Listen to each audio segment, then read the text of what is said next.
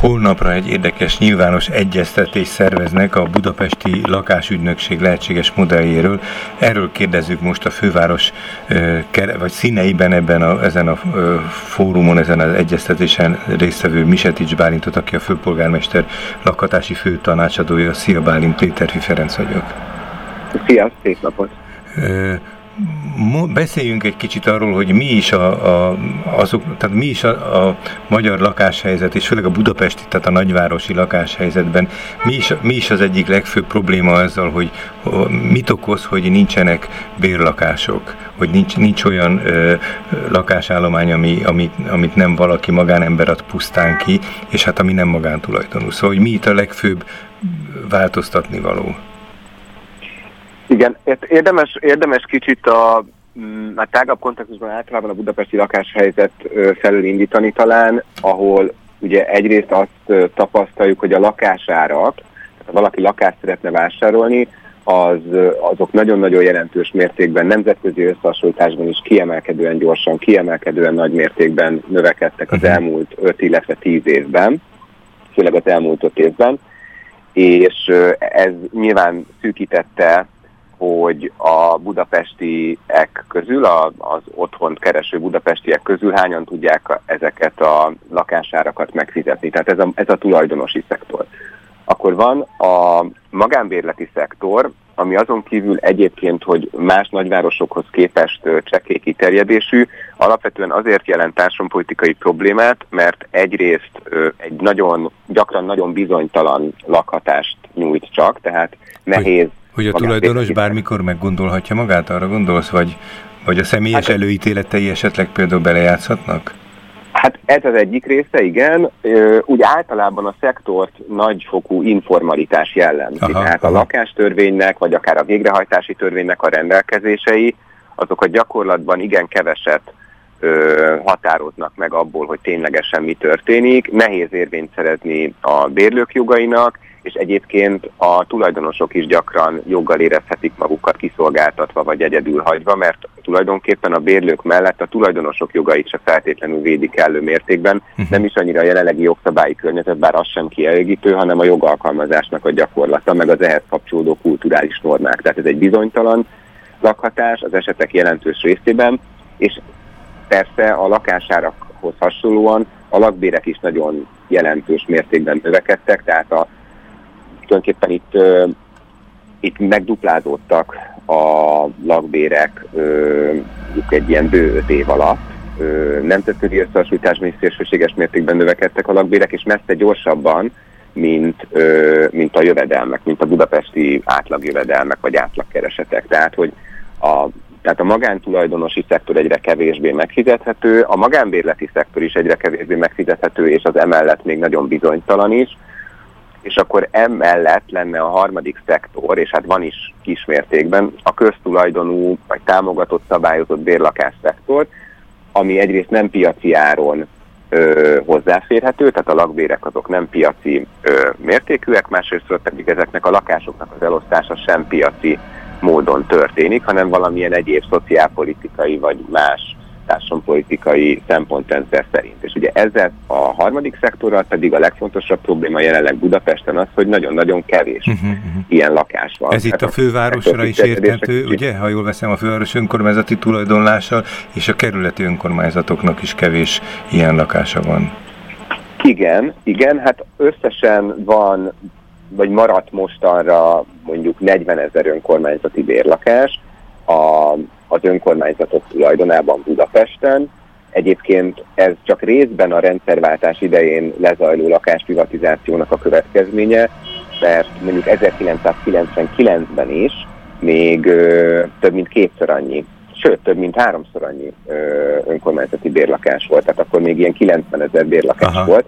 Tehát azóta is folyamatosan adják el a lakásokat az önkormányzatok, vagy ha nem adják el, akkor szanálják és nem pótolják. Egyébként aránylag nagy mértékben állnak azért üresen, mert az önkormányzatok nincs, pénz, nincs pénze felújítani. Igen, ezt akartam pont mondani, vagy közbevetni az előbb, hogy és akkor van még egy rész, ami üresen áll, ami sokaknak csípja a csörét, mármint hogy tényleg az egy komoly sérülése, vagy egy sebet jelent, hogy hát legalább ezeket jó lenne aktivizálni, ezeket az értékeket.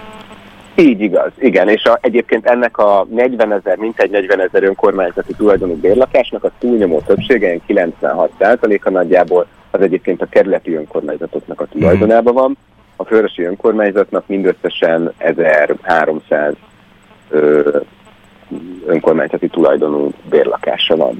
Tehát a, a legnagyobb része ezeknek a kerületi önkormányzatoknak van. Nyilván eltérő mértékben, tehát egyes külső kerületekben alig van, egyes budai kerületekben is alig van, és mondjuk nagyon sok önkormányzati bérlakás van a 8. kerületben, a 13. kerületben, a 15. 9. és így tovább. Azt a, egy korábbi interjúban az Utcáról Lakásba Egyesület vezetőjével már megemlítette, villant egyet, hogy, hogy ők egy ilyen bérlakás vagy lakásügynökségben gondolkodnak, és hogy, hogy, hogy a fővárossal is már ez ügyben jó kapcsolatban vannak. Ez, ez egy jó pár hónappal ezelőtt volt itt az adásunkban.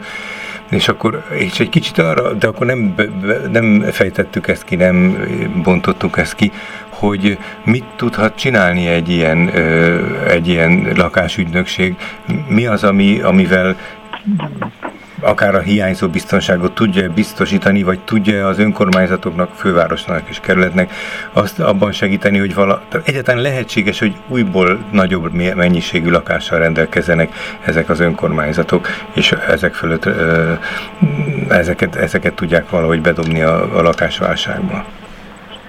Igen, tehát abban tulajdonképpen szakmai konszenzus van Magyarországon régóta, hogy növelni kell a támogatott szabályozott bérlakásszektornak a kiterjedését, ami történhet a klasszikus állami vagy önkormányzati tulajdonú bérlakásoknak a bővítésével, tehát ezek építésével vagy vásárlásával, de történhet úgy is, különösen akkor, hogyha az előbbiekre nem állnak rendelkezésre források, hogy a lakásügynökség, ami lehet az önkormányzatnak is a lakásügynöksége, az bérbe vesz a magán ö, szektorból lakásokat.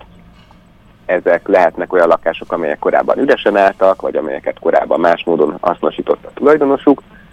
Tehát ezeket bérbe veszi, és aztán valamilyen elosztási rendszerben, valamilyen lakbértámogatási rendszerrel kiegészítve ezeket továbbadja ö, bérbe olyan budapestiek számára, akik egyébként nem, vagy csak nehezen tudnának ö, megfizethető bérlakást találni a városban. Akkor itt a szervezés mellett ezeknek az önkormányzatoknak azért van egy kompenzáló szerepük, tehát valami kiegészítő támogatást mondtál, vagy említettél, amivel a költségeket egy kicsit csökkenteni tudják. Tehát magyarán hozzá tudnak járulni ezeknek a lakásoknak a használatba vételéhez ezzel.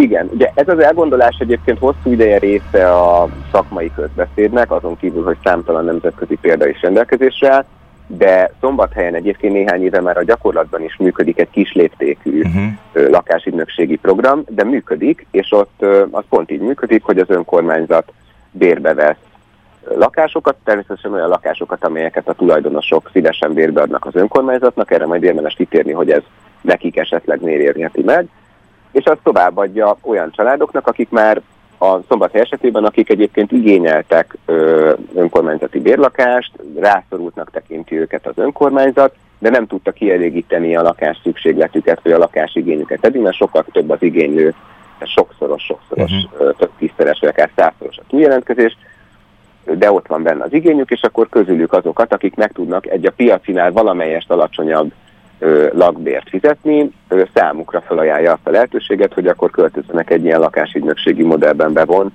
magántulajdonú, de az önkormányzat által bérbevett, és aztán tovább bérbeadott lakásba. És nagyjából ez az alapgondolat egyébként, ami tehát azt jelenti, hogy két legsúlyosabb problémáját a magánbérleti szektornak, a, a bizonytalanságot, az informalitást egyrészt, és másrészt a megfizethetetlenségét azt is ö, orvosolja, és ö, tulajdonképpen harmadiknak ide vehetjük a lakáspiaci diszkriminációt is egyébként, mert azért az a tereptapasztalat, hogy sok gyermekes családoknak, cigány-magyar családoknak, vagy más olyan társadalmi csoportba tartozó családoknak, vagy egyéneknek, akik valamilyen ö, stigmatizált... Hát mondjuk csak egyszerűen szegények.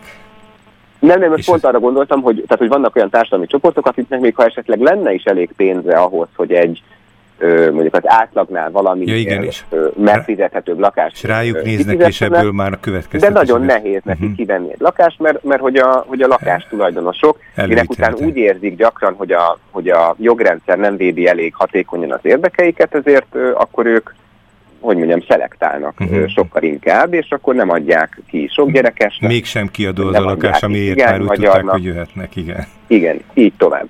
Igen, tehát hogy ezt a 2 plusz 1, összesen három problémát a magánbérleti szektornak ebben a lakásügynökségi modell tudná orvosolni. ugye kinek ö, miért éri ez meg? Az önkormányzat... Igen, az előbb nyitva is hagytál egy kérdést, hogy, hogy vajon a, a, azoknak, akik a lakásukat ajánlják föl, azoknak miért éri meg, hogy erre visszatérsz majd? Így igaz.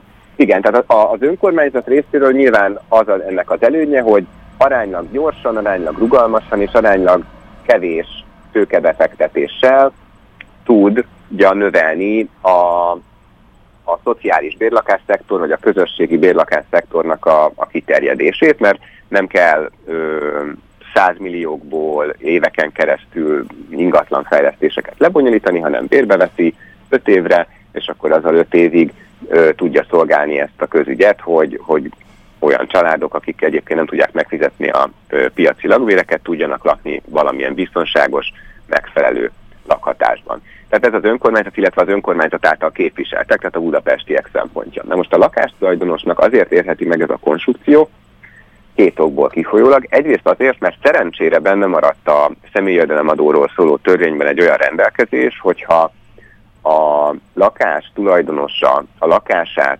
önkormányzatnak adja több évre bérbe, azért, hogy az önkormányzat azt továbbadja bérbe egy rászoruló családnak, akkor a lakástulajdonos bérbeadásból származó jövedelme az adómentes. Aha. Tehát ezen tulajdonképpen már nyert uh-huh. a lakástulajdonos, az, hogy a gyakorlatban ki mennyit nyer rajta, az persze kétséges, persze, mert hogy nagyon jelentős valószínűleg az adó elkerülés pont a magánbérleti szektorban, vagy hát az adócsalás, de hát azért nyilván vannak lakástulajdonosok, akik, akik egyébként fizetik rendesen az adójukat, és nekik ez tehát egy nem jelentéktelen könnyebbség, hogyha akkor a személyi jövedelemadó tehertől mentes jövedelemre tehetnek így szert, illetve ez azt is jelentheti, hogy esetleg már az ezzel csökkentett áron tudja az önkormányzat bérbe venni, mert a piaci árhoz képest a, a lakást, hiszen e, szemben a többi bérbeadási esettel ezt a jövedelmet, az ebből származó jövedelmet nem terheli személyi jövedelemadó. De ennél fontosabb, mert ez tulajdonképpen csak egy szerencse, hogy, hogy ez bele, benne maradt a szabályozásban, hogy, hogy a lakásügynökségbe beszálló lakástulajdonos az, az elképzeléseink szerint azért cserébe, hogy valamennyivel a piaci ár alatt adja a lakásügynökségnek, vagy az önkormányzatnak bérbe a lakását, ezért cserébe a lakásügynökség átvállalja a bérbeadással járó kockázatoknak egy részét. Aha, aha. Tehát például az egy kockázata a, lakásbérbeadónak, hogy, hogy mondjuk ebben, ha 5 éves periódusról ha beszélünk, hogy öt évből ő neki nem lesz egyébként öt évig bérlője, mert mondjuk két bérlő között eltelik két hónap, öt uh-huh. hónap, fél év, amíg, amíg nem talál, ö, és az, addig nincs jövedelme, viszont esetleg van ráfordítása arra, hogy keressen új bérlőt. Ezt a terhet, meg ezt a kockázatot, az üresen maradás kockázatát, ezt, ezt, ezt például leveheti a lakástanyos válláról a lakásügynökség, Gondolom a, az, hogy ha nem, ha nem fizet esetleg a bér, ha bérlő nem fizet, azt a kockázatot is talán leveheti, nem? Így igaz, igen, mert az Tehát önkormányzat az biztos fizet, és akkor ez egy más kérdés, uh-huh. hogy az önkormányzat meg a lakásügynökségnek fizet igen.